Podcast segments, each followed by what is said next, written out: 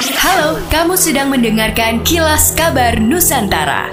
Podcast persembahan KG Radio Network menyajikan berita harian yang mengangkat keunikan dari berbagai wilayah Indonesia. Kilas Kabar Nusantara dapat juga didukung oleh pengiklan loh. Pemerintah Kota Bandung memastikan akan terus mengakselerasi layanan kesehatan masyarakat. Hal ini dibuktikan dengan alokasi 22% APBD Kota Bandung tahun 2022 untuk bidang kesehatan. Jumlah ini dua kali lipat lebih besar dari rekomendasi pemerintah pusat, yaitu 10%. Sekretaris Daerah Kota Bandung Emma Sumarna mengatakan, ini adalah komitmen Pemkot Bandung dalam menghadirkan layanan kesehatan yang ditopang oleh seluruh fasilitas kesehatan yang ada di Kota Bandung. Mulai dari 80 puskesmas dan 38 rumah sakit yang tersebar di seluruh wilayah Kota Bandung. Selain itu, Emma menyebutkan fasilitas di layanan kesehatan rumah sakit milik Pemkot Bandung terus beradaptasi sehingga tidak kalah dengan fasilitas milik rumah sakit swasta.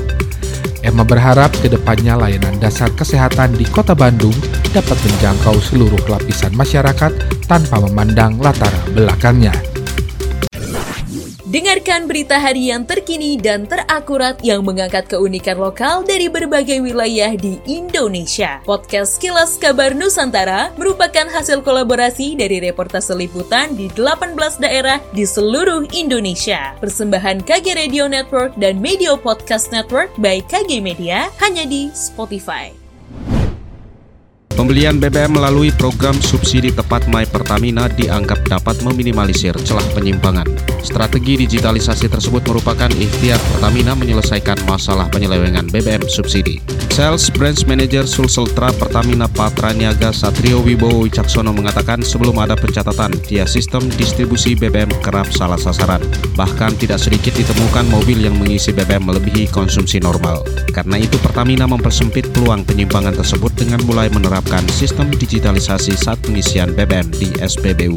Satrio mengatakan setiap mobil keluaran terbaru direkomendasikan menggunakan BBM dengan nilai oktan 92 dalam hal ini Pertamax. Sedangkan Pertalite diperuntukkan bagi mobil dengan keluaran lama.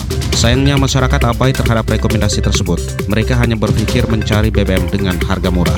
Sementara itu pengamat kebijakan publik Universitas Hasanuddin Adnan Nasution menilai Pertamina belum tegas mewajibkan masyarakat membeli BBM lewat My Pertamina.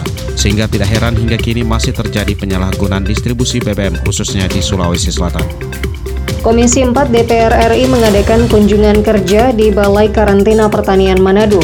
Rombongan dipimpin Ketua Komisi 4 DPR RI Sudin, didampingi langsung Kepala Badan Karantina Pertanian Republik Indonesia Bambang, beserta sejumlah anggota Komisi 4 DPR RI lainnya. Balai Karantina Pertanian Manado memperkenalkan satu dashboard atau aplikasi Minesa yang merupakan pusat pendataan pertanian di Sulawesi Utara.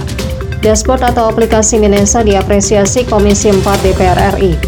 Sudin menyampaikan, Sudin mengatakan dengan sistem yang canggih bisa dikonsumsi publik untuk mengetahui perkembangan ekspor seperti volume dan nilai ekspor, negara tujuan serta sejumlah komoditi yang akan diekspor Provinsi Sulawesi Utara. Sementara itu, Doni Muksidayan Saragi, Kepala Balai Karantina Pertanian Manado mengatakan, aplikasi atau dashboard Minesa merupakan satu data pertanian diharapkan menjadi pilot project di semua daerah agar pendataan semua hasil pertanian di Indonesia bisa dikonsumsi publik. Diketahui latar belakang pembuatan dashboard Minesa karena ada banyak pelaku usaha, masyarakat, pemerintah daerah, dan pemerintah pusat yang membutuhkan data informasi terkait pertanian. Demikianlah kilas kabar Nusantara malam ini.